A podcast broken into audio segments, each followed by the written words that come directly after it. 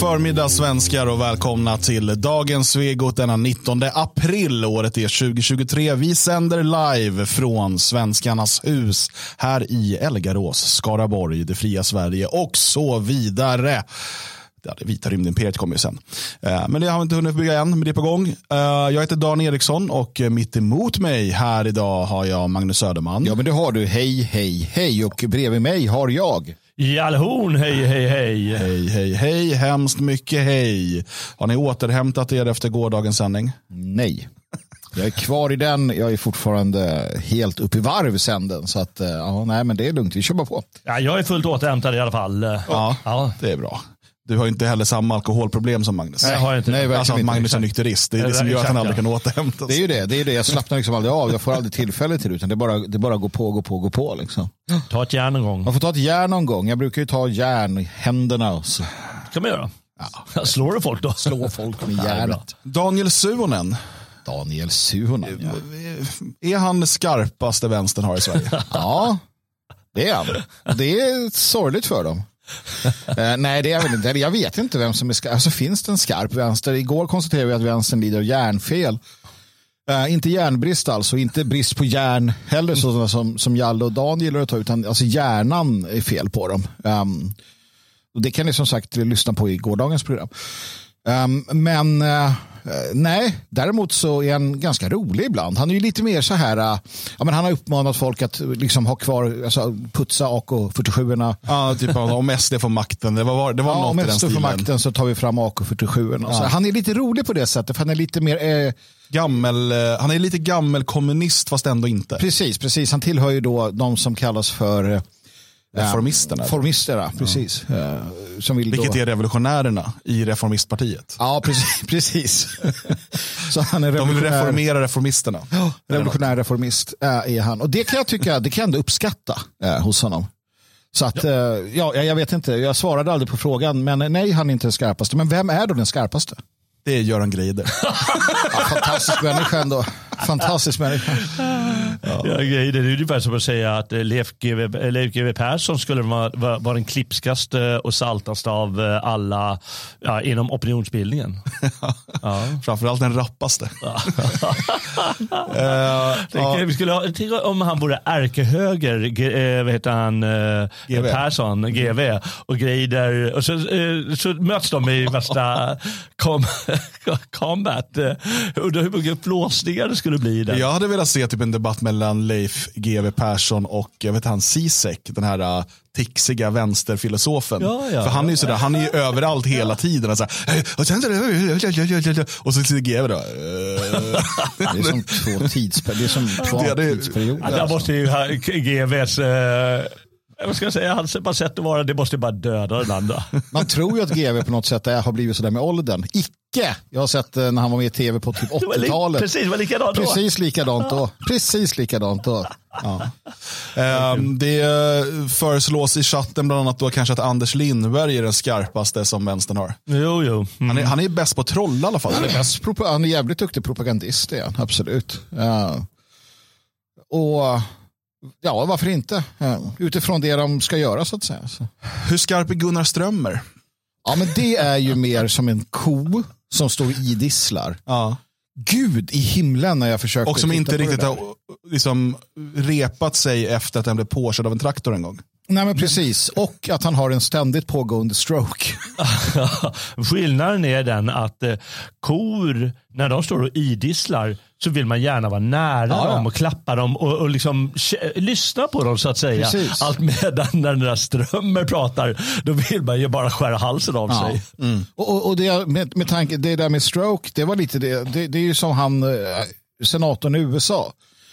Eh, han som, som fick en stroke och vann valet. Um, han, just han påminner, det är där jag kommer att tänka på, han påminner väldigt mycket om liksom den där eh, och det är också intressant, en hjärnkirurg som är superexpert förlorar mot en kille som klär sig sämre än mig. Ja, är det, Han går i hoodie och mjukisbyxor och, och, och kan knappt prata. Och så. ja. Eh, men det, fall men det handlar ju om identifikation. Det är ju väldigt många av Demokraternas väljare som känner igen sig. Jo, det är sant. Det är Är sant. han Demokraternas skarpaste kort? Det kan vara den skarpaste. Uh, Fetterman, just det. Fetterman, ja. Det är dock ett coolt namn. Ja, men det är det ju. You can be a fat man, but I'm fatter man. Precis, always the fatter man. Eh, vi, vi ska nämligen prata om både Gunnar Strömmer och Daniel Suhonen lite senare. Eh, vi ska dels läsa lite av vad Daniel Suhonen har skrivit, vad han har hittat på på sistone när han pratar om AI och hur, ja, jag vet inte, han har någon typ av kommunistisk revolutionsdröm inom AI-världen eller vad man ska säga. Eh, och eh, sen så ska vi titta på mm, utdrag ur en debatt i Sveriges riksdag mellan Sverigedemokraten Pontus Andersson och eh, justitieminister Gun- Gunnar Strömmer eh, om svensk fientlighet. Eh, så det kommer vi göra lite senare. Men jag tänker att vi ska börja med eh, den eviga turkfrågan. Just det ja. Ehm, det pågår ju en massiv övning i Sverige just nu. Jag vet inte om ni har missat det. Idag tror jag att eh, man kommer ju ha en inkallelseorder via P4. Jag tycker ju sånt här är fantastiskt roligt och spännande på många sätt och vis. Det är, vad är det, 30 000 eh, inblandade eller 20 000 inblandade. Övningen går över hela, hela landet. Det är liksom stora transporter på vägarna och man testar att göra en inkallelse över radio. Eh, Så det är inte på riktigt om ni hör den, eh, men det är coolt tycker jag. Jag älskar det här. Är det som Hesa Fredrik fast värre? Ja, typ. Alltså nu, jag tror att det är idag som Sverige då hamnar i krig eh, i övningens scenario. Och, och det har ju att göra med NATO, att vi samövar för, vi har NATO-förband, vi har amerikanska förband som har varit i Härjedalen och de ska ner till Skövde tror jag och strida på gatan eller om det var eh, någon annanstans. Eh, och det har ju med NATO att göra och det leder oss vidare. Det gör det verkligen. Det som händer Eh, för att eh, vi har ju pratat om eh, problemet med att eh, Sveriges regering kryper för Turkiet och Erdogan eh, för att han ska då, jag vet inte, på nåd eh, låta oss vara med i NATO. Och, och jag menar, det är klart, jag, jag är väl liksom um, avigt inställd från början eftersom att jag inte är speciellt sugen på ett NATO-medlemskap. Eh, så att det gör inte saken bättre. Så det är liksom som att Sverige förnedrar sig för någonting som jag ändå inte vill ha. Det blir liksom ännu värre. Det blir så här, ja. Eh, Men, men vi har sett flera exempel på det, inte minst då på hur man eh, pressade polisen till att eh, inte ge demonstrationstillstånd till koranbränning utanför Turkiets ambassad. Vilket sen förvaltningsrätten som väntat kom fram till eh, det där var fel av polisen. Men då var det för sent. Eh, och det här gjorde man ju då för att eh, liksom slicka Erdogan så att säga. Jag tycker också det blir värre när vi tänker på att polisen har överklagat detta igen. Ja, ja. För att de, de vill verkligen, de vill verkligen liksom ta det här ett steg längre. De vill, alltså svensk polis och deras juridiska avdelningar vill inskränka svensk yttrandefrihet och samlingsfrihet och så vidare friheter. Man vill det, med berått mod vill man detta. Eh, Det är allvarligt att när, när, när polisen driver frågan. De borde vara nöjda tycker jag, men det är de icke. Så det här militärövningen Aurora 23 ska till Mariestad Yes! också. Bör jag eh, typ eh, göra något? Ska jag, Yes! ska jag liksom bygga barrikader? Vad händer? Nej, men du ska bara njuta. Du ska njuta av... Men jag, vill ju, jag vill ju stoppa dem. Nej, men Jo. det, övningen är väl bra? Jag kan springa ut med min mysse och min bysse och bara "Ii!" Ja, men vi tänker att du gör det. Vi, vi, vi, vi, vet du vad vi gör? Vi testar konvojstörning på E20. Men jag vet, du, ja, men du gör väl som kinesen på Himmelska fridens torg när han går och lägger sig framför pansarvagnarna. Det ska jag göra. Jag, jag filmar, du ligger. Det, alltså då, då, Undrar om det kommer bli, bli lika ikoniskt. då blir vi förevigade. Vad gör du Jalle? Du stå, hoppar upp på tornet. Ja, men medan han gör det smyger in bakifrån och, och Men förstör. jag filmar, du han ligger, sitter du in- smyger in han- bakifrån. Han sitter inne på, han sitter nere i hamnen och dricker en öl. Ja, Säger heja Dan, heja. Du ska gräva skyttevärn säger Eva-Marie. Uh, Ja. Ja. Ja, vi kör. Ja, eh, kul, kul. Eh, men vi gör det här programmet först. Ja, Okej, vi kör den.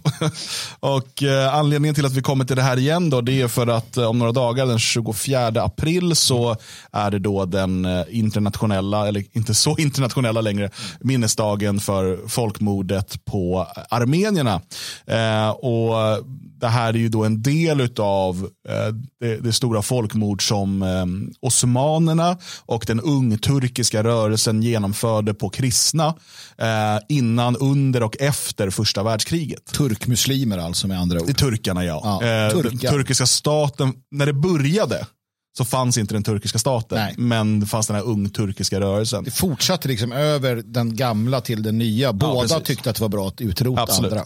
Och eh, Det var inte bara armenier, man pratar om det armeniska folkmordet Mm. och det var ju den grupp som absolut flest dog i. Men det var ju kristna, eh, greker, eh, assyrier, syrianer, syrier. Det är inte samma, det är tre Nej, olika de där. samma. Eh, men i den här regionen då, eh, kristna som levde i den här regionen som, som eh, Turkiet ser som sitt.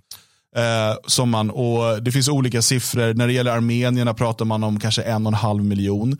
När man talar om alla kristna som de här turkarna då eh, folkmördade under den här tiden eh, så eh, är det en del som talar om runt tre och en halv, kanske upp mot fyra miljoner människor. Hundratusentals av dem eh, greker. Eh, och, och, alltså det, det är ett eh, vidrigt bestialiskt folkmord eh, som är förbjudet att påstå att det har hänt i Turkiet. Alltså i Turkiet åker du fängelse om du påstår att det här har hänt. Att det var ett folkmord. Så Eh, liksom, precis som att man i till exempel Tyskland åker i fängelse om du påstår att förintelsen inte har skett. Och i Frankrike åker Ja. du i fängelse om du påstår att eh, det inte har skett ett armeniskt folkmord. Precis. Just det. Jag, jag bara tänker att för att förstå varför det här folkmordet är mer problematiskt än det, det andra folkmordet. Alltså, alltså förintelsen. Det finns då. bara två. Ja, det finns bara två. Alltså som vi i, i modern tid pratar om. Det är att inga judar dog i det, först, i det här folkmordet. Är väldigt få i alla fall. Ja, därför- de var inte målgruppen. Nej, precis. Det var, inte, det var inte det man riktigt... Och därför bryr man sig inte så mycket om det. Medan då förintelsen, det var judar och eftersom judarna har en fantastisk lobbyorganisation så bry, bryr man sig mer om det. Det är väl egentligen skillnaden då om man undrar varför det ens är en diskussion. Ja, så armenierna har inte varit lika bra på lobbyarbete. De har inte kunnat liksom lägga lika mycket tryck bakom. Nej, och det de finns dessutom eh, eh, judiska intressegrupper som inte vill att man ska erkänna det här som ett folkmord Mm. för att det då förminskar förintelsen. Precis. Eh, så det finns den typen av, av, av krafter också. Men i det här läget så har det ju handlat om att eh, man då vill hålla sig på god fot med Turkiet framför allt. Och vi har ju ehm, den förra regeringen, alltså regeringen eh, både Andersson och Löfven, framförallt då regeringen Löfven gick ju till val bland annat på att man ska erkänna det här folkmordet. Det var så man lyckades eh, liksom få väldigt många av eh, assyriernas och syrianernas röster. Ehm, och i, i till exempel Södertälje då, men de finns ju på fler ställen. Eh, traditionell, alltså det, det är ganska många av de här assyrierna och syrianerna som är moderater, för många av dem är egenföretagare, de vill ha lägre skatter, de vill ha mer eh, liksom autonomitet från kommunerna och så vidare. De är inte alls som till exempel många muslimska invandrare i hög grad vänster, Nej. utan har ofta valt Liberalerna, för där har de haft Robert Hanna nu till exempel, men andra också företrädare och Moderaterna. Sådär. Men nu så gick ju då sossarna hårt på, och även Miljöpartiet, att de skulle erkänna det här folkmordet. De vann valet och sa nej, det kan vi inte göra. Istället så talade man om det som händelserna eller massövergreppen. Eh, och det här då mycket, mycket eh, liksom medvetet. Nu har vi en ny regering, eh, regeringen Kristersson, och eh, inte heller de tänker erkänna något folkmord på kristna. Eh, men man tar det dessutom ett steg till. Eh, det vi ser nu ifrån UD, utrikesdepartementet, är hur man försöker nu stoppa minnesstunden för det här folkmordet. Det finns då svensk-armeniska föreningar, jag tror den leds av eh, Björn Söder. Eh, han sitter i alla fall i styrelsen, jag vet inte om han är ordförande nu. Han har, han är ett, tungt namn. Ja, eh, I den här eh, svensk-armeniska eh, vänföreningen i Sveriges riksdag. Då, så det är massa riksdagsledamöter från olika partier. Det finns ju olika sådana här intressegrupper där. Ehm, och man har då den 24 april eh, det här, den här minnesdagen och då har man en minnesstund i Sveriges riksdag i någon lokal där. Eh, och eh, nu så skriver jag, idag ska vi Göteborgs-Posten, tyvärr var det en låst artikel så jag har hittat en, en rewrite av den på eh, någon sida som heter The World News. Eh, och då, vet vi då, då, då kommer det uppgifter då om att utrikesdepartementet och då Tobias Billström som, som utrikesminister eh, har på olika sätt, olika sätt då utövat påtryckningar för att försöka stoppa minnesstunden alternativt se till att ledamöter inte går dit. Eh, och man säger då i den här artikeln, eh, som jag tror då, eh, här citerar man från Svenska Dagbladet, eh, så här, eh, men nu ser det ut att bli ett slut på högtidlighållandet. Eh, åtminstone om utrikesminister Tobias Billström, eh, Moderaterna, får som man vill. Årets minnesstund är planerat för den, eh, att den 26 april och Armeniens ambassadör är inbjuden att tala. Det råder ingen tvekan om att det begicks fruktansvärda övergrepp mot den armeniska folkgruppen och andra minoriteter i det sönderfallande Osmanska riket. Men enbart ett fåtal länders regeringar har offentligt tagit ställning i frågan och erkänner folkmord och Sverige är inte ett av dem, säger Tobias Billström. Um, och uh, Uh, vänskapsgruppen leds av Björn Söder, precis, och han bekräftar påtryckningar från UD. Citat, vi har internt i våra partier blivit uppmanade att inte genomföra ett högtidlighållande i riksdagen i år. Mm. Jag vill, bara, jag vill bara att vi bara konstaterar att det, det, det är intressant i sig då att en myndighet som eh, Levande historia, som är en myndighet, de erkänner folkmordet ja, och har med det när de pratar om folkmord. Så bara att det är klart. Så, så att, Och det är en myndighet sedan eh, ett, ett, ett antal år tillbaka. Så att, nej men, och det här visar ju också då att hur, alltså, för de vill ju gärna få oss att tro att det här eh, och åminnelsen av förintelsen och alla sådana här saker man gör, att det handlar om att vi vill Alltså det, det, det handlar om mänsklig värdighet, det handlar om att stå för principer. Det handlar om att vi ska, liksom, aldrig ska det hända igen och så vidare. Vilket visar sig vara en ren jävla lögn. Uh, inte bara från, från svenska politiker mot andra länder. Jag vet inte hur det är i Tyskland till exempel. Jag vet inte om man har erkänt det här folkmordet på armenier där. Det visar sig ju bara att allt handlar om politik, maktspel och fulspel. Eh, och att man är beredd att kasta alla dessa jävla principer om mänskliga rättigheter och, och respekt över bord. Och krypa för turken. För att turken fortfarande sitter med ett punggrepp på oss. Um, och det är skamligt. Så att nästa gång de tjatar om förintelsen och ifall de glömma det, det, liksom hur hemskt det är med det. det skit på er. Uh, för att de, de har inga principer. De har de principer som gynnar dem för stunden. Och att, att, att, att hylla sex, eller inte hylla förintelsen, utan att, att ihågkomma förintelsen, det gynnar politikerna i Sverige. De blir gynnade av att minnas judarna. Hade de inte blivit gynnade hade de skiter i det också. De skiter i allt som inte gynnar dem. Det är jävla pack. Så jag, jag tror det stora problemet här det är att svensk politik är svag. Svensk utrikespolitik, Sverige utrikespolitiskt sett är ett svagt land och därför kan givetvis turkarna, Erdogan gå med, med vad heter han, Billström som en chihuahua. Mm. Det är inte värre än så, det är inte konstigt än så. Antagligen är det så att ända sedan Palmes dagar, som, där tanken var att Sverige ska lyftas utrikespolitiken, så har Sverige, det blivit fel det där. Mm. Och samma sätt så är vår minoritetspolitik, den är svag och eh, gör oss svaga snarare eftersom då är det lättare att spela ut landet gentemot grupper. Mm. Det är en massa politik som har gått fel. Man måste göra klart för sig att diplomati, du, du kallar det att det inte står för principer och det är givetvis så. Men alla vet att diplomatin handlar om att lösa problemen ändå. Jaja. Genom att kalla det lite andra namn som det här lite pinsamma som Ann Linde mm. eh, kallar det, massövergrepp. Var det du som mm. tweetade någonting om det? Eller? Ja, för jag kollar på det nu igen, men det var två år sedan eller någonting. Som, ja. ja precis. Eh, och eh, kallar det massövergrepp. Eh, ja. Varför kallar det inte folkmord liksom, ja. när sossarna egentligen ville genomföra det? Som ett folkmord mm. eller kallar det för det. Eh, och då är det meningen att diplomatin ska kunna lösa det, men man kan bara vara en bra diplomat om man är stark. Mm. Man kan inte vara det om man är svag, Nej. för då blir man en chihuahua. Mm. Men det, du, Magnus, du nämnde det här med eh, levande historia till exempel och att man de här eh, liksom, minnesdagarna och så vidare, att det egentligen är ett politiskt spel. Och det, det, eh, när eh, Göran Persson inrättade det Forum för levande historia, när han höll den här stora förintelsekonferensen i, eh, i Stockholm, det var ju ett sätt att dels till viss del reparera rep eh, relationer med Israel, mm. men också eh, att liksom, eh, bygga rela bra relationer med mäktiga grupper som hade utövat stora påtryckningar på Sverige.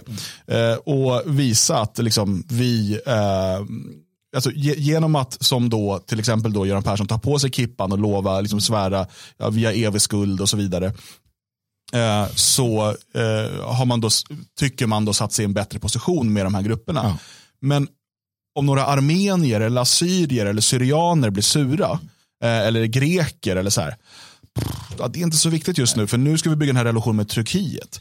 Och, och, så att hade det varit så att det, vore, att det inte vore opportunt att till exempel ha förintelsens minnesdag, säg att det vore tvärtom, att det fanns en, en stark kraft eh, i Eh, i det internationella samfundet som tyckte att förintelsen har inte skett och den som påstår det den kränker oss och vi kommer inte handla med dem eller sådär. Då hade mycket väl Sverige kunnat vända på något år eller två och bara förintelsen, Nej, det är, du menar massövergreppen i Tyskland? Ja, precis. Nej, för, I Polen var det förresten. Det var inte Tyskland, det var i Polen. Jag, jag tycker att det, för det är värt att ta upp i samband, det kanske är flera av våra lyssnare som inte är medvetna om det, men fram till inte vet jag, 60-talet, 70-talet Ja. så var ju förintelsen ingenting man, Nej, nej. man brydde sig om. Alltså Nej. ingen, hela västvärlden struntade i det. Var då förintelsen. Liksom. Mm. Det var ju efter långa och, och hårda påtryckningar från en, en, en judisk eh, elit, eh, en judisk ehm, ett judiskt eh, liksom, kollektiv som växte sig starkare under årtionden. Mm. Till sist kunde de då Det är inte bara det, utan det fanns ett behov av eh, i, i liksom USAs och, och, och, eh, det globala väst, kanske man kan prata om då, eh, i deras nya historieskrivning, i deras liksom, eh, imperiebyggande så fanns det behovet av denna, denna genesis, denna liksom skapelseberättelse, hur vi liksom växt, alltså varför är demokratin så överlägsen och de mänskliga rättigheterna och allt det här, det globala samfundet så viktigt? Jo, för att det, det började med, och det är, liksom, det, är det som sig från historien, det är, liksom andra världs, det är nazisterna, andra världskriget och folkmordet, alltså förintelsen. Eh, men som tur är så eh, kom ju demokratin och räddade eh, och befriade Europa från det här. Och nu så måste vi sprida demokratin. Så, att, så fort man kan säga, okej, kolla Irak, kolla Libyen och så vidare. Ja, det är som nazisterna, det är folkmord. Och vad behöver de? Jo, de behöver demokrati. Vi bombar, vi bombar lite demokrati till dem. Och då har man eh, kunnat liksom bygga det här narrativet hela tiden om liksom det, det stora. Eh, det är som att förintelsen är demokratins eh, big bang. Ja, men verkligen, verkligen. Och, och skillnaden är ju då som sagt att Turkiet, Turkiet har varit geopolitiskt viktigare eh, än Armenien. Ja. Ja, det är klart det är det. Och, och det, det, så är det. Och, och, och, så, och, och Grekland har vi ju liksom övergett så många gånger historiskt sett.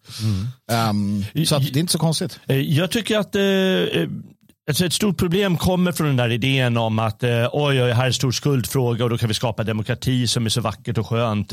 Jag har, jätte, jag har alltid som historiker väldigt, väldigt svårt med den här skuldfrågan som alltid ska plockas fram.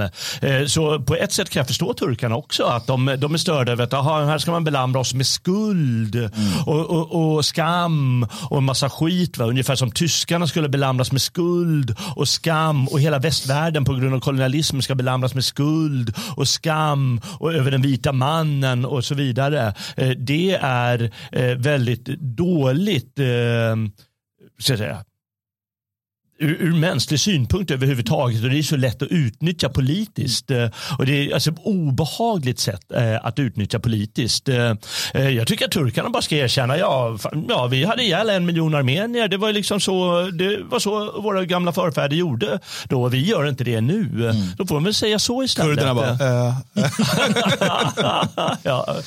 Och eh, armenierna får, de får trycka på att det, säga att det är en skam om Sverige går med i NATO eh, som eh, genom Turkiets välvilja. Vilja. För då lirar de sig med några som haft ihjäl våra förfäder. Det, jag tycker att debatten borde gå så mer än den här eh, på något sätt låtsasdebatten som förs i Sverige. Att ja, men vi ska inte säga någonting om det.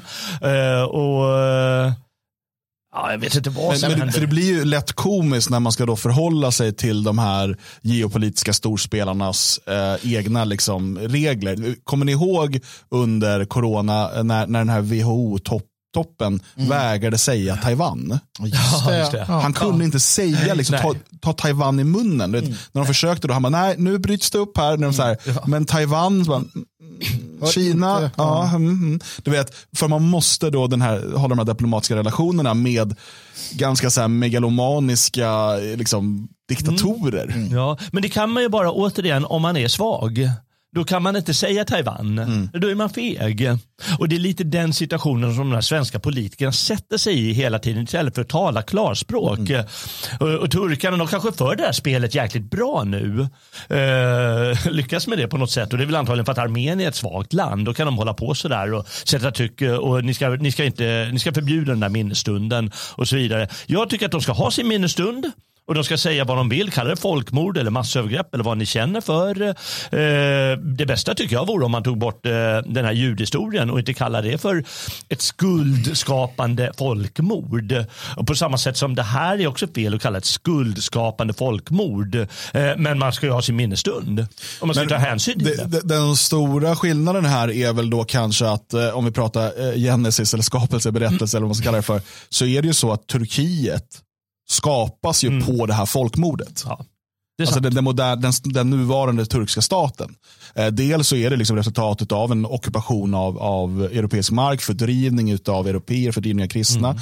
Och det liksom på någonstans då finns en kulmen då här i början på 1900-talet med det här folkmordet och sen bildas den moderna turkiska staten. Ja, eh, och eh, jag tycker det var bra att du tog upp det här med levande historia. Jag ska faktiskt läsa för jag tycker att det är väldigt målande som de ändå beskriver vad som händer.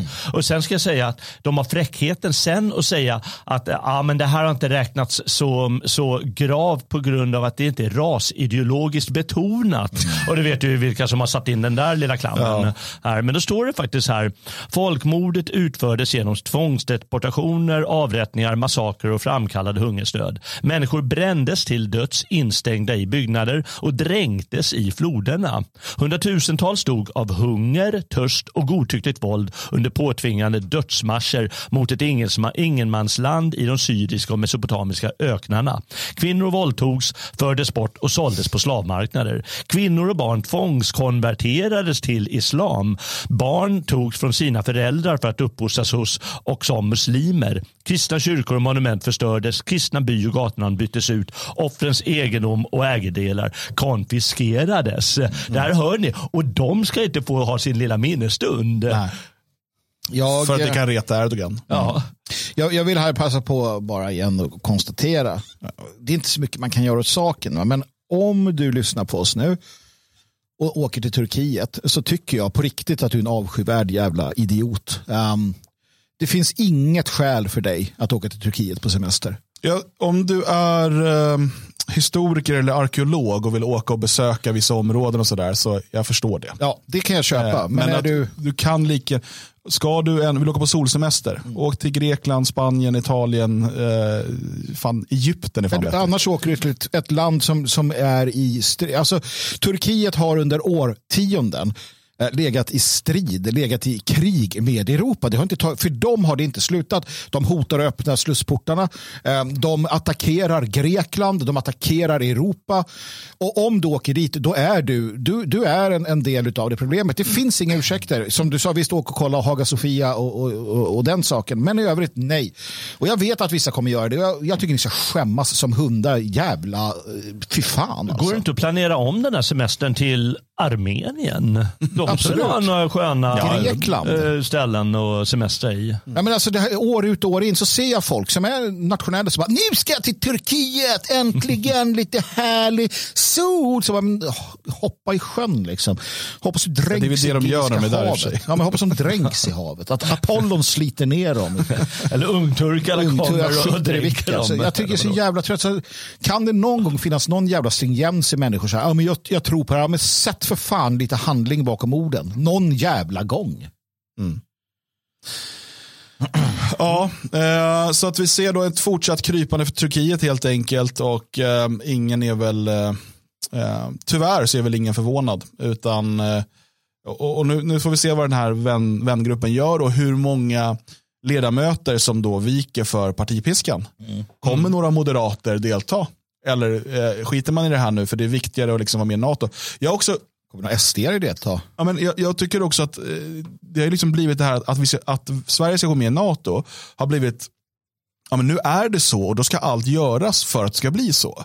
Som att det har fortfarande inte funnits någon ordentlig debatt kring det. Jag har fortfarande inte, alltså, eh, jag, jag tror så här, vi får se vad som händer i Ryssland och Ukraina nu, men låt oss eh, förutsätta att det de kommande två åren kanske lugnar ner sig. Eh, kommer svenskarna vara lika sugna på att gå med i NATO då? Mm. Antagligen inte. Jag tror att många redan har hört, vissa tror att vi är med i NATO. Ja. Och många har nu ingen aning om vad som egentligen händer. Ja, faktiskt, jag tror det folk inte är så jävla intresserade av, av sånt. Liksom. Ja. Eh, nu, tycker jag, nu tycker jag att det är bra att det sätts lite på spel här, att det ska hållas i riksdagen, Ja, ja. eh, den här minnesstunden. Eh, Men jag måste ändå av alla avgudar ge den här Reinfeldt, eller vem det var som sa det, lite rätt. Att eh, när de i diplomatiskt, med diplomatiska ord säger att det, jag tycker inte allt det här ska politiseras. Jag tycker att den här minnesstunden egentligen ska hållas i riksdagen. Det tycker jag är fel plats.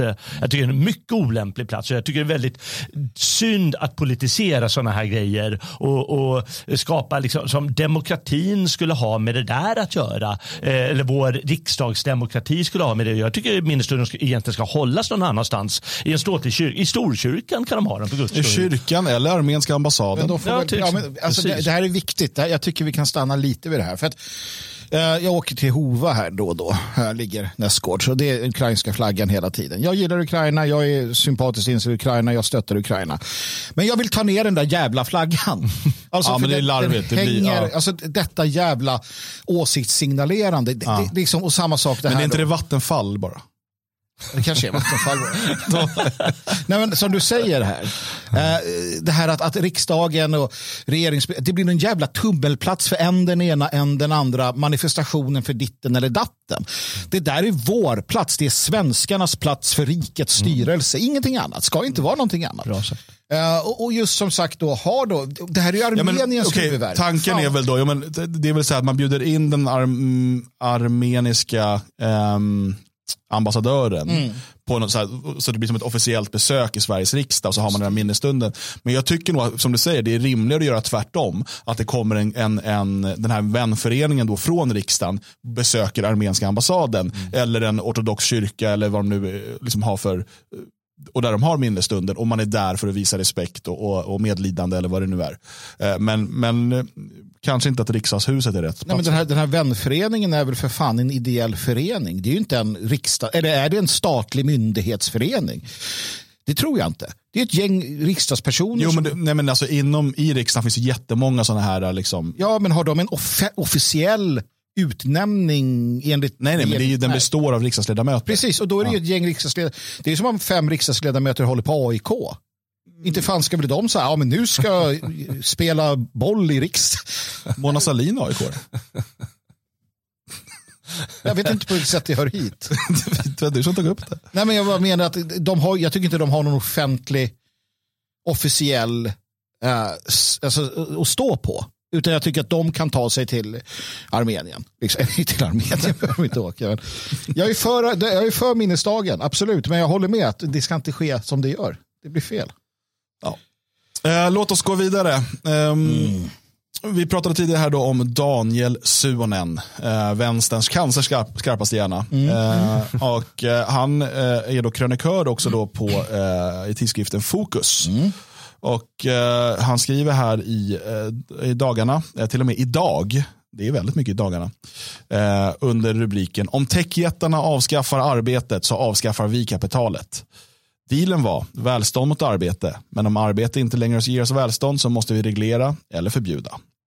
Alltså ändå att, att förbjuda och reglera kommer i hans Ehm, penna. Det han skriver om här det är ju då att eh, utvecklingen av artificiell intelligens som är väldigt populärt att prata om just nu. Ehm, jag märker också när han skriver om det att han har ju bara testat på det här väldigt ytligt. Han säger, man kan få den att skriva roliga historier. Mm. Man kan också göra ganska mycket mer. Eh, men det är, det är klart, det är det första. Eh, vi testade ju första gången ChatGPT samma, nej, dagen efter den Ja. öppnade upp. Hade vi en sändning där vi gjorde just det. Vi sa, men skriv en rolig historia om Magnus som diktator. Och Ja, sånt där. det var rätt bra Ja, men, faktiskt. och och det är det första man gör för att det är kul. Men det är inte det som är liksom huvudpoängen med det här. Utan eh, det finns eh, redan nu så kan, eh, liksom dels kan, kan de här olika eh, LLM som det kallas, Large Language Models, ehm, de kan användas som en typ av assistent som du kan liksom bolla idéer med. Men också nu via eh, till exempel något som heter AutoGPT eh, så kan du få den att liksom utföra hela uppgifter och slutföra dem. Så du ger den så här, ah, men okej, skriv ett, eh, ett datorprogram som gör det här, det här, det här, skicka upp det till den här servern och publicera det på Apples App Store. Och sen så börjar den liksom arbeta och gör de här sakerna. Eh, det är inte helt felfritt än, men det är väldigt intressant och hur snabbt det utvecklas. Eh, och Det man då ser framför sig eh, det är ju hur kommer det här påverka arbetsmarknaden och det är det som Suhonen eh, skriver om. Eh, och Han skriver bland annat då, behöver vi oroa oss för AI? Förmodligen. Kan AI leda till ett stort ekonomiskt skifte? Ja, men den destruktiva potentialen är mindre än möjligheten till befrielse. Om vi gör rätt saker politiskt. Den stora utmaningen är nog mest existentiell möjligtvis. Går AI att hantera politiskt? Självklart. Låt oss börja med det som antas skaka om produktion, arbete och ekonomi. Um, och Sen så fortsätter han då uh, Eh, att berätta att så här, om det nu blir så att många jobb kommer att försvinna finns som alltid ett antal frågor att ställa som rör politik, makt och inflytande snarare än teknik. De som nu driver fram denna stora utveckling är gigantiska techföretag som Google, Apple och Facebook och lika stora fast för oss okända i Kina. Dessa företag ägs av ett fåtal personer eller ett statsbärande parti utan demokratiska inslag. Båda dessa statskontrollerade och privatägda företag riskerar att få ännu mer okontrollerad makt som de inte borde ha över oss alla. Man kan säga att om domedagsprofeterna får rätt och miljontals goda jobb försvinner utan att ersättas riskerar det band mellan arbete och kapital som kapitalismen vilar på att brytas. Dealen var välstånd mot arbete. Man kan också säga så här. Avskaffar kapitalet arbetet måste frågan ställas om vi inte ska avskaffa det privata AI-kapitalet och socialisera deras produktionsmedel. Ja. Vi kommer läsa mer sen, men vi kan stanna där. Härligt. För vad är hans idé här alltså? Hur ska det här lösas? Eh, just den här mer politik. Mer politik, mer reglering och socialisering. Ja. Såklart, för att politikerna är bäst på att hantera det här. Uh, det är ju i grunden idén, men sen vet jag inte. Han, han, det, det utgår ju ifrån att AI kommer avskaffa arbeten, Eh, det kommer inte fyllas på med nya uppgifter för människor att göra och därför kommer alla människor gå och drälla. Och då får de inga pengar och då ska vi ta pengarna av Elon Musk för att han är dum, för att han är rik. Mm. Ungefär där tycker jag att vi landar. Jag tror inte att något av det kommer hända. Nej. Innan vi eh, går in på lite annat han säger så vill jag bara säga att han, han har ju missuppfattat alltihop. Mm. Eh, han pratar om ett avtal med att kapitalismen vilar på avtalet mellan arbete eh, mot, eh, eller välstånd mot arbete. Mm. Eh, det där är socialdemokratins mm. avtal. Mm. Det är de som säger att vi går med på kapitalismen om, vi får, om ni hjälper till med oss att skapa välstånd. Mm. Så det är socialdemokratins avtal. Precis, alltså, dealen är ni får hålla på med ert företagande men då måste ni betala så här mycket i ja. skatt mm. som vi sen får fördela. Precis, Och, och, det är ingen som säger att, vi måste, att det måste hedras. Jag vill också säga det, jag använder AI lite grann i mitt arbete. Mm. Um, och, och, det har ju inte gjort på något sätt att... Men, eh, får jag bara lägga in där då uh, att i stort sett alla använder AI i sitt arbete. Man bara tänker inte på nej, det. Nej, ja, absolut, eh, men du absolut. tänker på att du använder till exempel ChatGPT. Ja, precis. Så hjälp, den hjälper mig. Eh, om du använder Photoshop i ditt arbete ja. så har den AI-grejer. Alltså om du till exempel använder smart redigering mm. eller retuschering. Vet du, du väljer ett objekt och den försöker då fylla i vad det ska mm. vara där egentligen. Det är AI. Mm. Det är en typ av, men det vi pratar om här är också A, eh, AGI. Alltså generativ, artificiell generativ intelligens. Att den kan eh, skapa saker också. Alltså mm. det, det eh, och det är det som liksom har varit den, den stora eh, diskussionen. Men, men det är ju en sån funktion du kommer se när det gäller till exempel kreativa arbeten så kommer man kunna använda, eller man kan redan nu använda de här eh, large language models som, som ChatGPT till exempel för att bolla idéer, mm. för att få uppslag, för att liksom, det är som en assistent mer ja. eller mindre. Eh, men sen kommer det också saker där, som sagt som kan, kan automatiseras. Men det här är ju inget nytt. Alltså, den teknologiska utvecklingen har ju lett till att vi har rationaliserat bort en hel del arbeten, att vi har kunnat öka produktionstakten, eh, att saker som förut gjordes manuellt av människor görs nu av maskiner. Mm. Um, och eh, i stort sett varje stort teknologiskt språng så har vi hört samma domedagsprofetior. Alltså att det här kommer göra att alla blir arbetslösa. Mm. Men det är inte, eh, jag, jag, tog ett exempel för några år sedan vi pratade om det tror jag, men eh, exemplet med växeltelefonister. Mm. Eh, tidigare var det så innan eh, det här eh, AX-systemet, jag kommer inte ihåg vad det heter, men innan så var det så att du ringde till en telefonväxel och sa jag vill prata med Jansson i Katthult. Eh, och så vart du omkopplad av den här växeltelefonisten. Och satt alltså manuellt och skickade, okej, okay, okay, Söderman vill prata med Jansson och så skickade jag vidare dit. Liksom. Eh, du vet, som att alla, alla hade sådana här burkar som ja. ska lyssna med hemma. Så, ja, typ. Eh, och sen skapar man det här automatiserade växeltelefonsystemet som gör att du bara slår ett telefonnummer mm. och sen så kommer du till den personen. Och när det här började växa fram så var det ju protester. Man sa, men vad ska alla de här kvinnorna nu göra? Mm. Det var i stort sett bara kvinnor som jobbar med det. De kommer ju gå arbetslösa, det kommer bli social misär. Mm. Mm. Var det det som hände när det automatiserade telefonväxelsystemet kom?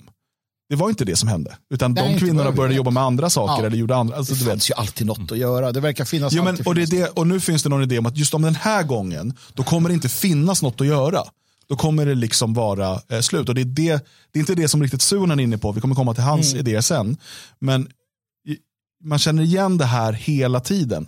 Att så fort det kommer en teknologisk utveckling, du vet, eh, då kan det vara, jag menar, vad har det här med liksom, sabotage eller liksom kasta in träskor i vävmaskiner och, och allt vad det nu är. För att ja, men det här tar bort arbeten. Ja, det stämmer. Mm. Men finns det liksom något Finns det någon, varför måste vi alltid fortsätta med de arbeten vi gör? Alltså om maskiner kan göra ett arbete bättre och effektivare så att vi kan frigöra tid till att göra annat, utveckla annat, jobba med annat och så vidare, utbilda oss, vad det nu är.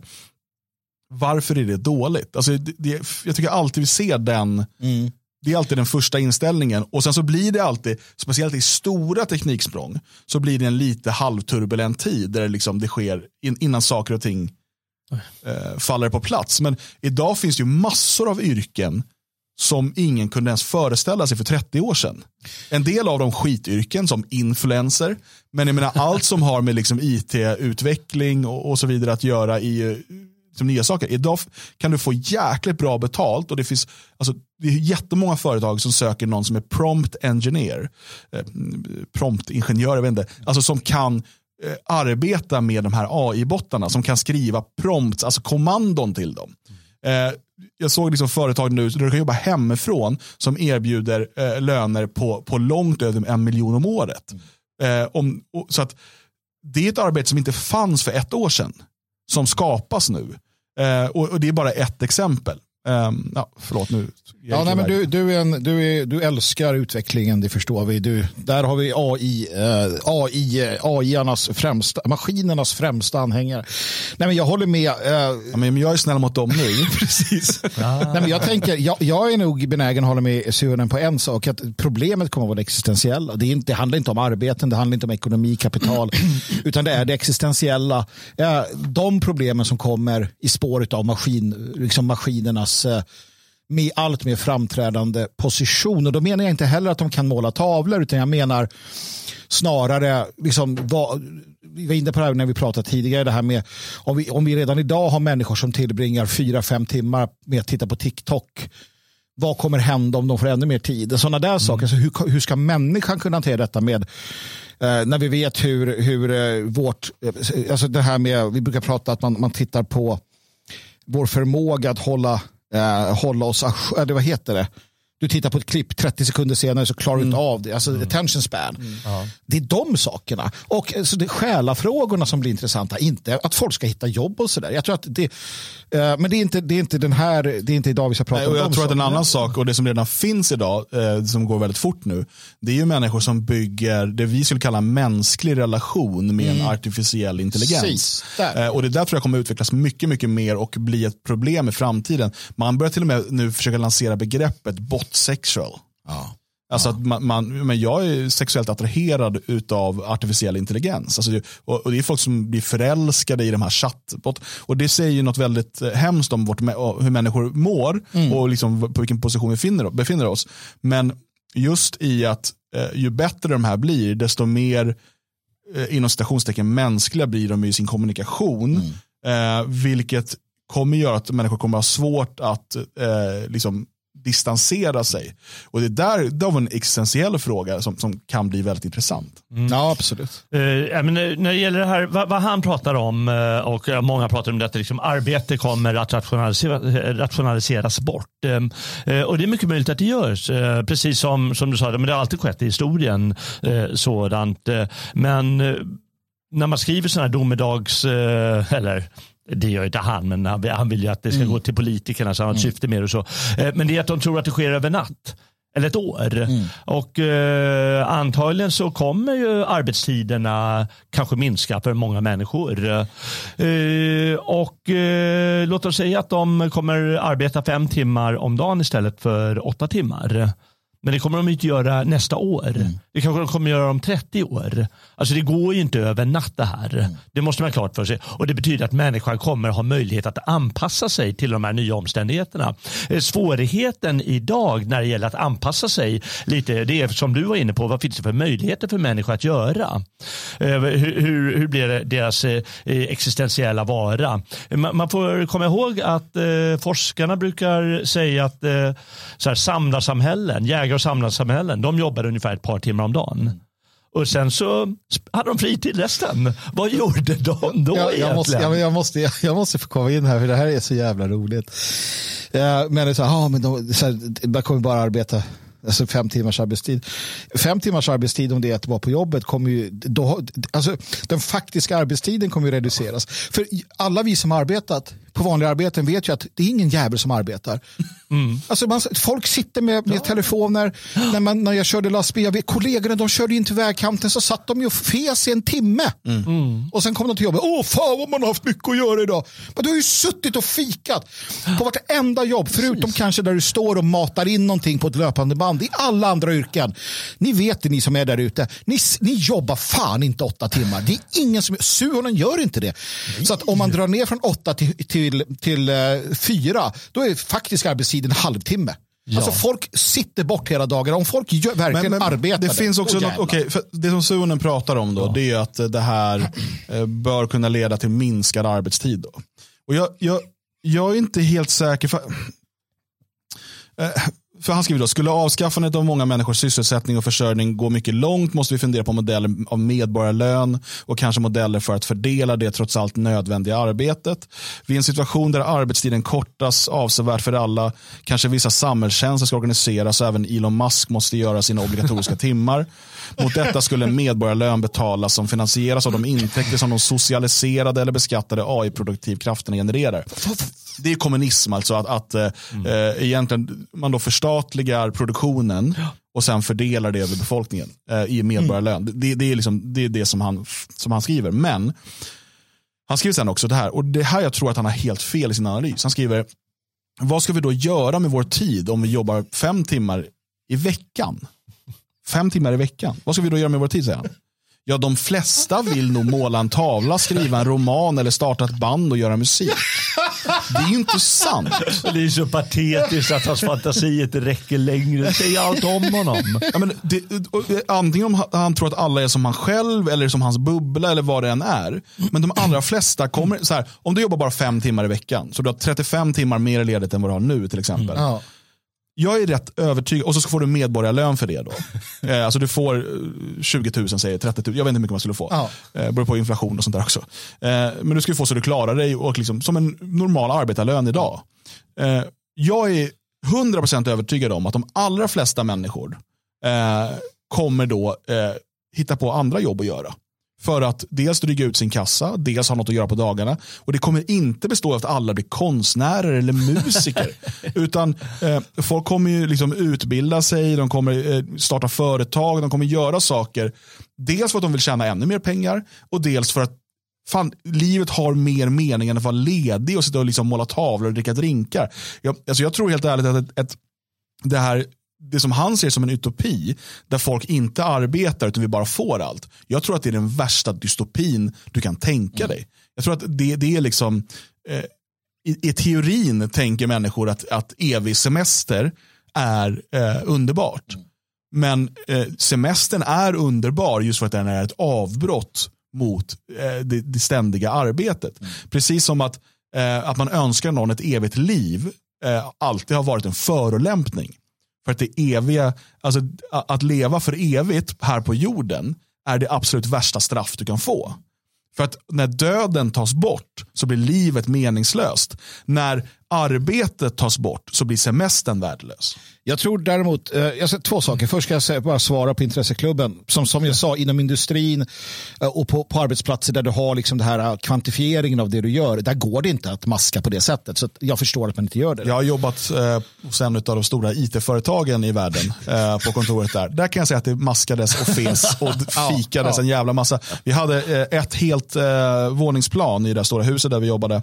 Där det var ett café där allt var gratis och sådär. Och så hade vi ett, så hade vi ett tv-spelsrum, biljardrum. Ja. Jag, jag tillbringade rätt mycket tid där. Och jag var inte den enda kan jag säga. Det är ju kreativt. Det är kreativt. Jo, nej, men till, till alltså, viss del är det ju så. Ja, så ja. nej, men, men sen så var det en annan som skrev här att de flesta kommer sitta med Netflix och, och så om det blir det här samhället. Och jag är, det är väl min stora oro, nu är vi inne på det existentiella, att på grund av Alltså, eh, det, det som skiljer den här, det här teknologiska hoppet från de tidigare, det är att skärmarna och hela det här gör saker med våra hjärnor. Vi vet med pornografin till exempel.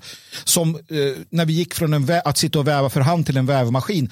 Det programmerar inte om polyperna i huvudet eller vad fan det heter. Men det här med skärmar och sånt gör det eh, på ett sätt. Och, och det är det jag oroar mig för. Frågan är om en, en större andel, inte alla, inte jag, kanske inte du, kommer just bli mer försoffade i detta. Till exempel binge-titta på serie efter serie tills de skjuter huvudet av sig. För att Ja, själen Djupa töms. Ja. Det kommer vi få se mycket av.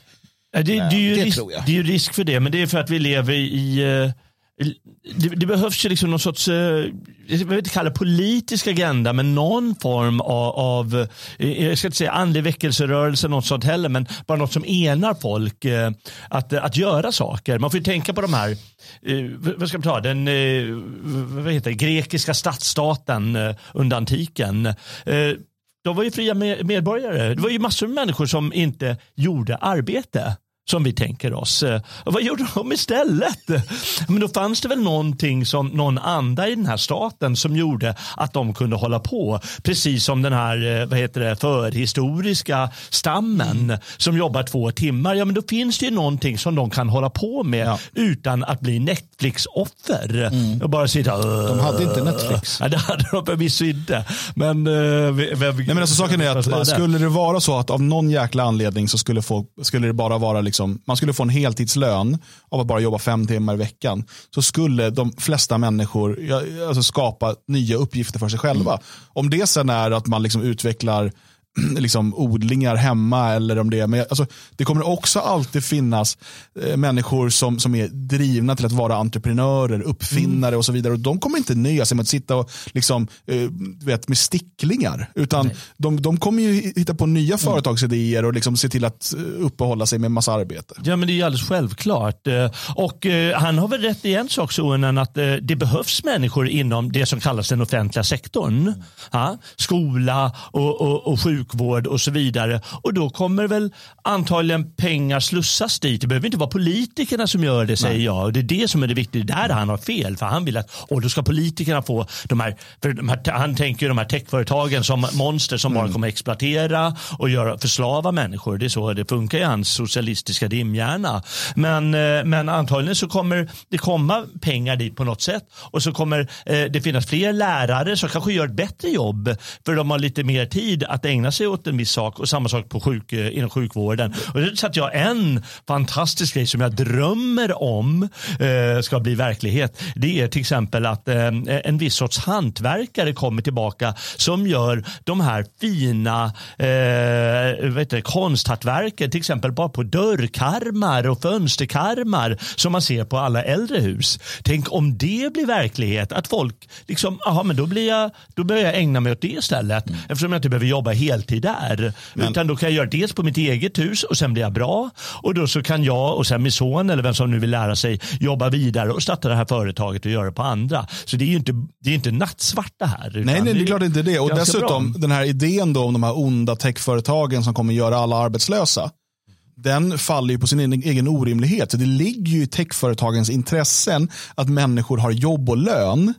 Vem ska annars köpa deras produkter? Hur ska de kunna bli så där snuskigt rika? För att i, i Suonens värld så kommer stora massorna vara arbetslösa och inte längre, ha- han säger det, för då har vi ingen, får vi inte längre någon lön så har vi ingen välfärd och då är liksom dealen bruten. Okej, men om det skulle vara så, då skulle ju techföretagen också falla. För att då finns det inga massor som kan betala för tjänsterna.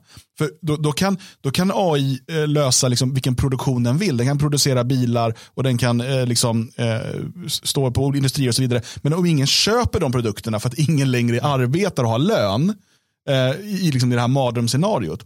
Så att idén av att de här techföretagen skulle driva igenom en sån utveckling faller på sin egen orimlighet. Sen vill jag bara säga några ord till det här med, med hans idé om då socialisera produktionen, alltså förstatliga den och eh, sen då eh, fördela pengarna över befolkningen i någon typ av medborgarlön.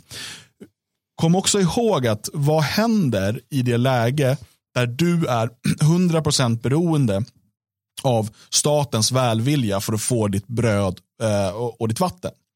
Jo, det blir att du hamnar i statens våld. Och om du till exempel, säg att du kanske råkar vara dissident av något slag och du börjar organisera ett motstånd mot detta. Ops, plötsligt har du inte medborgarlön längre. För det, man ska komma ihåg, precis som vi, vi kunde se under corona, vad händer med socialiserade sjukvårdssystem? Eh, jo, plötsligt så kan man då säga, börja prata om att eh, nej men du får, då får du betala din sjukvård själv om du inte tar vaccinet. Eh, och Man kan börja liksom genomföra för att vi har ett gemensamt sjukvårdssystem och det får inte överbelastas. Men vänta, jag betalar ju, tvångsbetalar min sjukförsäkring varje månad. Ja, ja, men nu har vi det här systemet och därför det spelar ingen roll att du har betalat. Och samma sak här, om du då får din lön via staten eh, i den här medborgarlönen så, så är du hela tiden då på nåder av staten för att kunna få vatten och bröd. Till skillnad från en fri människa som då till exempel driver sitt eh, eget företag eller säljer sin arbetskraft till en arbetsgivare eh, och därmed tjänar sina egna pengar oberoende av staten. Där har vi det. Han har rätt sonen men ändå fel. Att politiken måste förändras när samhället eh, på andra ställen förändras. Och den måste förändras på det sättet som man inte tänker att mer politik utan mindre eller annorlunda politik där man inte är i statlig tjänst allihopa hela tiden. Jag tänker att, att en sak vi kanske tänk, missar här också, det är ett, ett fullständigt naturligt fel. Vi gör det att vi tror att vi på något sätt har med det här att göra. Om 30 år så finns vi inte. Uh, jo. Uh, ja, kanske. Men någon av oss kanske inte gör det. Uh, hur den är, vi är de som försvinner. Och när jag ser på Svenska skolan eller skolan i Västerlandet, när jag ser på det som produceras där eller kommer ut där, den här guldåldern du hoppas på, jag hoppas att majoriteten för första gången i världshistorien är intelligenta och bra människor och inte det som Svenska skolan spottar ur sig med, med liksom värdegrundsteoretiker. Det enda de kan det är värdegrunden. Det är de som ska förvalta det här arvet. Så jag vet inte om de kommer vara särskilt intresserade eller ens ha förmågan när man tittar på vad som kommer ut. Jag hoppas att det vi ser alltid är de hemskaste exemplen. Att majoriteten av ungarna kommer ut, de är intelligenta, drivna, de vill saker och inte blir fast framför eh, värdelös underhållning. Mm. Annars vet jag inte vad det Precis, blir men det finns de ungdomarna också. Alltså, det är inte så att alla är de där värdelösa nej. Alltså, eh, ibland är det lätt att ja, få måla fan på väggen där också. Problemet är att de får ju inte de får ju inte utbildning. De får ju inte, alltså, är du duktig på, som du själv, matematik till exempel. Om skolan inte tar dem och ger dem vidareutbildning, då fastnar ju de Eh, och får inte utvecklas. Så att hur intelligenta de än är, om inte det tas tillvara, vilket det inte gör idag av en skola till exempel, mm. så får de en jävla problematik i att utvecklas till att bli de här människorna. Det är ett jävla problem. Men jag, jag tror att eh, vi kommer se, eh, och det har väl alltid varit det, men jag, utbildning, relevant utbildning, eh, blir mer och mer av en klassfråga eh, i, i den mån att det handlar om vilka föräldrar du har hemma och hur de, eh, vad de ger dig. Du ska inte förlita dig på, det ska man aldrig göra, men du ska inte förlita dig på att, att den här utbildningen kommer via eh, de, den offentliga skolan. Eh, det finns, liksom, det finns ju såklart undantag, bra lärare och så vidare.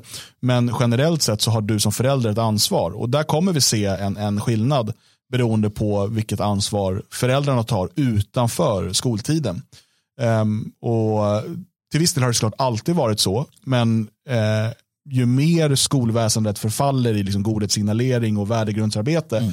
desto viktigare kommer det vara för föräldrar eh, att antingen om de kan göra det själva, att utbilda sina barn vidare och ge dem den kunskap de behöver, eller att eh, finansiera eh, privatundervisning åt dem. För att inte tala om SpaceX University, Twitter Academy, Google School of Economics, som kommer när de nya stadsstaterna byggs upp kring storföretagen. Det vill säga att jag kommer då skicka eh, kanske min eh, son till, fan också han gick ut och ner med kaffe.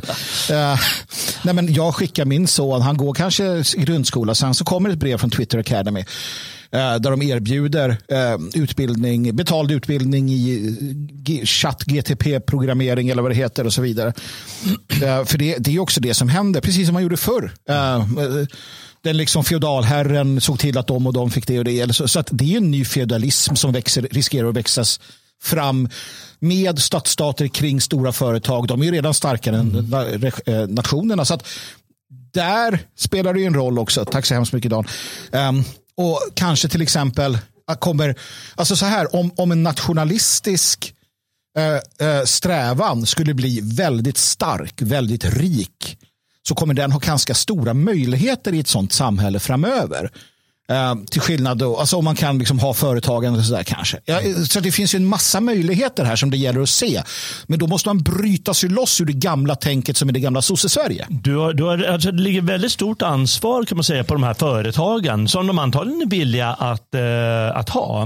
Eh, och för, för risken när det när, när eh, det kommer finnas mer tid, det är ju att mer HR-anställda kommer komma som håller på med sitt trams och som håller på med värdegrund som de har lärt sig i skolan tyvärr. Eh, så, så det är liksom inte, de kommer ha stort ansvar att inte hålla på med sån skit utan hålla på med sånt som är, är vettigt. Och det där är den svåra balansgången att gå och där, kan man, där måste vi alla se till att andan i landet mm. förändras mm. så att det påverkar företagen och så att det i sin tur påverkar politiken och skolan och allt vad som finns. För, för det, det är den stora stötstenen, ja. annars kommer det bara bli mer av den skitvaran ja, men, och där måste vi propagera. Se som, som eh, Susanne skriver här, kör godståg till vardags, förelösa tåg kan bara bli en verklighet när infrastrukturen fungerar perfekt. Mm. Det vi gör nu är att vi importerar hundratusentals människor från länder som inte kan upprätthålla vår infrastruktur. Mm. Hur ska vi kunna ha förelösa tåg då? Mm. Nej, nej, det, det är det precis. Är uh, och, så att det där kan mycket väl uh, bli liksom svårt. Även om jag tror att vi kommer få se mycket mer den utvecklingen. Absolut. Uh, nu tittar man ju på de här förelösa bussarna mellan uh, Stockholm och ja. Arlanda till exempel. Som, som ska kunna köra det. Men, uh, det gäller att vägarna hålls Ja, och sen det här, jag menar det här vi pratar stadsstater eller att företagen liksom växte det. Det är egentligen inte så konstigt för att om man ser eh, ser bara historiskt, nu har vi liksom haft en tid av de här eh, nationalstaterna och staterna och vi har haft imperierna och, och så vidare. Men tänk tillbaka till en tid också där eh, om ser i Sverige där striden står mellan flera olika kungar. Plötsligt kan den här kungen erbjuda mer trygghet, mm. eh liksom, vi ser till att eh, lägre skatter kanske, liksom, så du får behålla mer av din egen skörd och, och så vidare. Mm. Egentligen det som händer här är att de här företagen växer stora och utmanar staterna. Och om de kan erbjuda eh, ett rikare liv och ett tryggare liv än vad staterna kan, mm. ja, då kommer folks lojalitet eh, vändas ditåt. Framförallt eftersom att liksom, nationalismen i stort sett är avskaffad, nationalstaterna är avvecklade och så vidare. Eh, så, det, så som, varför skulle man känna lojalitet till en stat som inte representerar din nation, alltså som inte representerar någonting mer än en ekonomisk enhet, ett, ett geografiskt område. Mm. Eh, varför ska du känna mer lojalitet till den än till ett företag? För i slutändan är det inte så stor skillnad. Det är så, så spännande för att det här är också det är väldigt positivt då någonstans. För att jag minns när jag tittade på en, en eh, från USA en dokumentär. Det var en företagsledare. Hans företag det var en stor fabrik och så där. De hade daghem. De hade en massa saker. Och han stod och tittade på det här eh, när folk gick hem på kvällen. Så, stod, så sa han att mitt jobb det är att få de här människorna att vilja komma tillbaka det du beskriver då, det är ju ett, en, en, en, det är en utveckling där företagen då säger, men hur ska vi göra för att få människor att jobba för oss? Ja. Då kan vi inte säga, ja, men vi lockar med, vi ska övervaka dig, vi ska tvångsvaccinera dig, vi ska ta dina barn och skära av, skära av de könsorganen. Då kommer folk säga, men dig vill inte jag jobba hos. Mm. Då kan du ju opt-out på ett annat sätt. Medan då något företag som bara, här är du fri, här får du det. Då bara, jag jobbar för de här killarna och får ja, det. Och dessutom då, som många av de här stora företagen har gjort, de har ju liksom eh, har ju bostadsområden och mm. alltihopa. Eh, och där de ser till att det finns liksom meningsfull fritid och så vidare. Egentligen samma sak som välfärdsstaterna eh, på ett sätt byggde upp. Men så att det, det, de kommande hundra åren blir väldigt intressant med det här. Eh, helt klart. Och det lär vara en diskussion vi får återkomma till.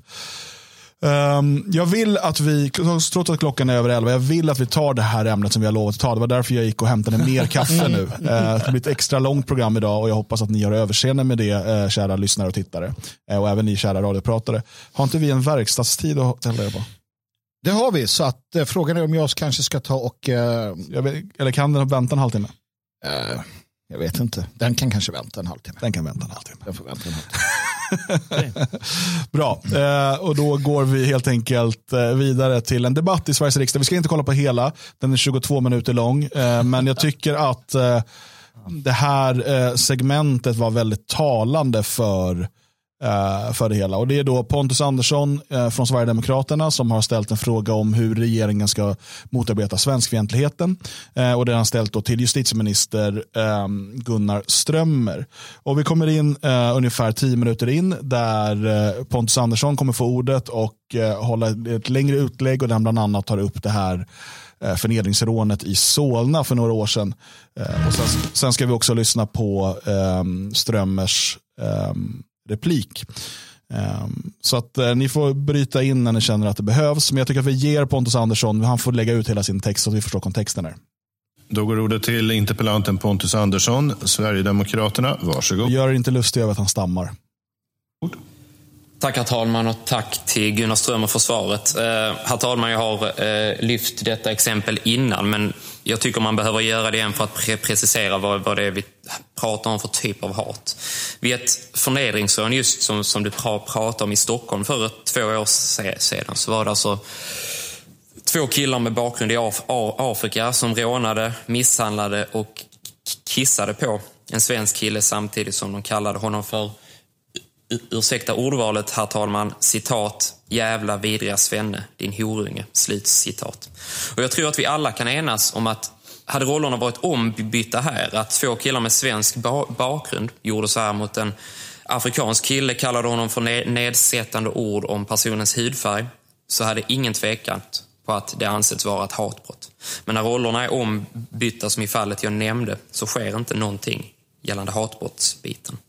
Och herr talman, jag tror så här att under en väldigt lång tid har svenska och inte minst ungdomar matats med propaganda som säger att svenskhet inte finns, att svensk kultur inte existerar och om man väl påstår att den existerar så har allting kommit utifrån. Man luras tro att det inte existerar något svenskt folk eller att alla som bor i Sverige är svenskar och detta från allra högsta nivå. Vi hade exempelvis den tidigare statsministern Fredrik Reinfeldt som hävdade att ursvensk bara är barbariet och att all utveckling har kommit utifrån. Eller Mona Sahlin som sa att citat jag tror att det är lite som gör många svenskar avundsjuka på invandrargrupper. Ni har en kultur, en identitet, en historia, någonting som binder ihop er. Och vad har vi? Vi har midsommar och sådana töntiga saker. Slut citat. Och jag tror, herr talman, att om man matas med dessa lögner under alldeles för lång tid och när inga fällande domar sker så ser svenska ungdomar det som lönlöst att överhuvudtaget anmäla. Och inte ens från högsta nivå har man tidigare visat att man tar den här typen av frågor på allvar.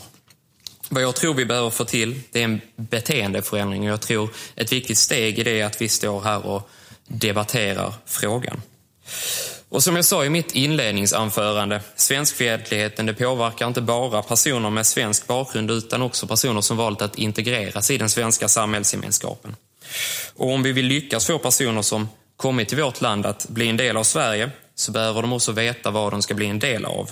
Och det är inte minst därför som förnekelsen av svensk kultur, historia och traditioner är så farlig. Därför att Sverige är ett stolt land med en storslagen historia, fina traditioner, vår kultur och vilka vi är, våra förfäders insatser på slagfälten, på åkrarna, i hemmet, i industrierna. Deras kamp för demokrati har gjort Sverige till det land som vi är. Sverige är ju inte vad Sverige är på grund av en slump eller av tur, utan det var våra förfäder och äldre svenskar som byggde det här landet för att lämna över det till oss. Och hur som helst, herr talman, Sverige är ju den enda plats som svenskarna kan kalla för sitt hem. Vi har ingen annan plats att ta vägen om vi inte måste. Och därför är det av yttersta vikt att det finns lagar som skyddar svenskar för att utsättas för svenskfientlighet i Sverige. Men inte minst att dessa lagar faktiskt efterföljs i praktiken. Och nu menar ju ministern att dessa la, la, lagar finns eh, och det håller jag med, med om, eh, för de finns. Ministern menar också att det absolut finns Ehm, att det kanske finns rasism mot svenskar. Så vilka åtgärder menar justitieministern i så fall krävs på ett bredare plan för att komma åt svenskfientligheten i samhället? Tackar. Så, där har vi då Pontus Anderssons eh, utläggning. Han tar det här exemplet från Solna eh, där det är uppenbart ett svenskfientligt brott eh, med tanke på vad de i domen står att de säger under det här förnedringsrånet. Han tar också upp liksom, problemet med att eh, politiker och media och så vidare förringar, förnekar svensk kultur, svensk folks existens och så vidare. Eh, och frågan är så hur, hur tänker regeringen arbeta för att komma åt svenskfientligheten? Då kommer väl såklart justitieminister Gunnar Strömmer nu komma med en bra lösning på detta. Absolut, oj, absolut. jag är helt säker. Tack justitieminister Gunnar Strömmer, Moderaterna. Varsågod. Tack herr talman. Eh, ja, när du drar iväg eh, här nu eh, Eh, Pontus Andersson eh, när det gäller ska säga, de breda resonemangen om påstådd svenskfientlighet och förnekelse av svensk kultur och svenska traditioner, då är jag inte med dig. Eh, men däremot så tycker jag att det är utomordentligt vad är han inte med på? Att det där har sagts eller? Nej, men han är inte med på att det, att, att det är ett problem. Han, tycker, han håller med Mona Sahlin, han är likadan själv. Han har ingen intresse att stå för svensk kultur. Han är moderat. Vi måste förstå Moderaterna hatar Sverige, svensk kultur. Han älskar internationalism, han älskar liksom sånt. Han, han hatar Sverige. Det här är en svenskhatare. Det, man måste förstå det när det gäller moderater. Han har inte blivit den han har blivit för att han är nationalist eller har en, en, en vänlig tanke om Sverige. Det är min tanke. Mm. Ja, vi får se intressant att diskutera själva sakfrågan, eh, nämligen hatbrotten eh, och hur de ska hanteras och detta alldeles oavsett. Är det inte också intressant att diskutera bakgrunden till hatbrotten? Hur kan det komma sig att liksom, den här typen av hatbrott... Det är det han tar upp. Ja. Det är det som är Pontus Anderssons idé. Ja. Det är ju att eh, om man har en, eh, från högsta ort en allmän anda att svenskar ska nedvärderas och svensk kultur bara är bajs. Som kan pissa om. på, som ja. de här afrikanerna tydligen gjorde. Mm då, då, då gör de ju det också. Men Strömmer säger att han har, det är inte så. Nej, så nej, men han är en idiot också. Där håller jag inte med, så flinar han också när han ja. säger det. Nämligen hatbrotten och hur de ska hanteras. Och detta alldeles oavsett vad den person som blir utsatt för ett hatbrott har för etniskt eller nationellt ursprung. Eh, och, vi, eh, och det, det exempel som, som eh, Pontus Andersson tar upp här, det här väldigt uppmärksammade fallet i Solna Eh, Eh, och Pontus Andersson beskrev ju också eh, de väldigt förnedrande och kränkande inslagen i det rånet.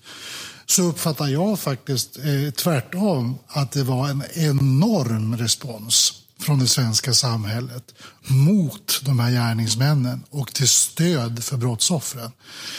På vilket sätt är det relevant? Det, här, det är inte ens äpplen och päron han jämför nu. Det Pontus Andersson tar upp, varför behandlas inte det som ett hatbrott? Mm. Varför lyfter inte ens åklagaren att det finns ett hatbrottsmotiv? Mm. Vi vet att eh, om det finns ett hatbrottsmotiv, enligt lagen så ska det vara hårdare straff då. Men man lyfter inte ens tanken på att det ska vara ett hatbrottsmotiv. Och då menar Pontus Andersson, så vad vill du göra för att vi ska komma åt det här med svenskfientligheten? Ja, men det fanns ju jättemånga som tyckte det var dåligt. Mm. Så, så det, då, det, det, är inte det som frågan handlar om. Det är väl klart att folk blir upprörda över att, att ungdomar rånas, misshandlas, pissas i munnen och så vidare. Men det behandlades fortfarande inte som ett hatbrott. Och det är det, han sa ju själv i början, själva sakfrågan, mm. hatbrotten. Och sen byter han och skiter i sakfrågan. Mm. Då är inte sakfrågan relevant, utan då är det samhällets respons. Mm.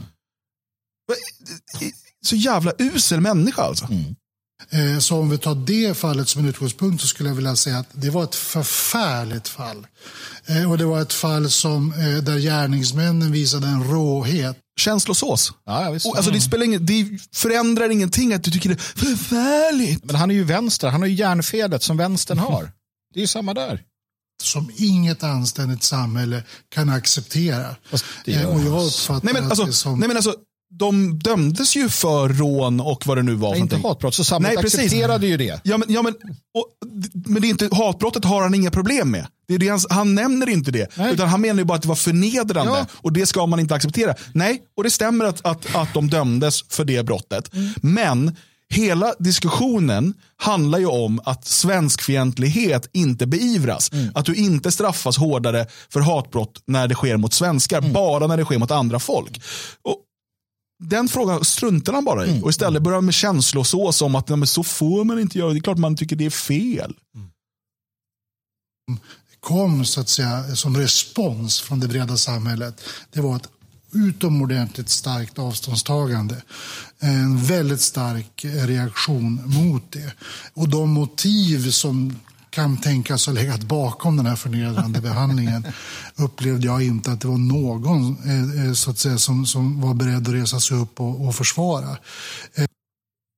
De dömdes fortfarande inte för hatbrott. Precis. Det var, det, Det, det är det som är poängen. Vad, oavsett vad han och hans jävla eh, liksom, eh, punschkompisar satt och tyckte. ja. Det är irrelevant. Nej, men även tyckandet. Hur många i media tyckte i etablerad media tyckte att de här eh, skulle dömas för svenskfientlighet. Var det några? Men det fanns ingen i Det etablerad var ju media. ingen så bara goja. Det var inte alls att responsen Nej. var, var, var stark på det här. Men det, ja. Och, och Pontus Andersson tar upp det i sin inledningsanförande. Än så länge har inte en enda person dömts för hatbrott mot svenskar. Inte en enda person. Alltså på grund av att de är svenskar. Eh, Så att uppenbarligen så tar inte eh, rättssystemet, och han är justitieminister, uppenbarligen tar inte eh, rättssystemet detta på allvar. Han påstår att det finns lagar som skyddar mot detta och därför finns ingenting, behöver vi inte förändra någonting. Och då tar Pontus Andersson upp ett konkret fall. Det här skedde här, hade det varit tvärtom hade det räknats som hatbrott, men nu räknar man det inte som hatbrott. Men samhällets respons var ju att man tyckte det var dåligt, så jag förstår inte problemet. Eh, och det tycker jag ändå man ska ta fasta på. Jag tror inte det finns någon acceptans alls för det. Eh, I alla fall inte liksom, eh, bredare i vårt samhälle. Det andra är att jag tycker inte heller att Eh, eh, eh, jag tycker inte heller, allt, heller att ska vi säga, från statligt håll att man så att säga, försökt skyla över det. Jag tog del av en BRÅ-rapport från 2021 som är ganska krass i beskrivningen av det vi talar om. Man försöker definiera vad de här förnedringsråden innebär för någonting, alltså en vilja att skada, skrämma, kränka brottsoffren. Eh, De är väldigt explicita i den här rapporten med att majoriteten som misstänks för de här ungdomsråden Eh, är alltså pojkar i åldern 15 till 17 år med utländsk bakgrund, boendes i socialt utsatta områden.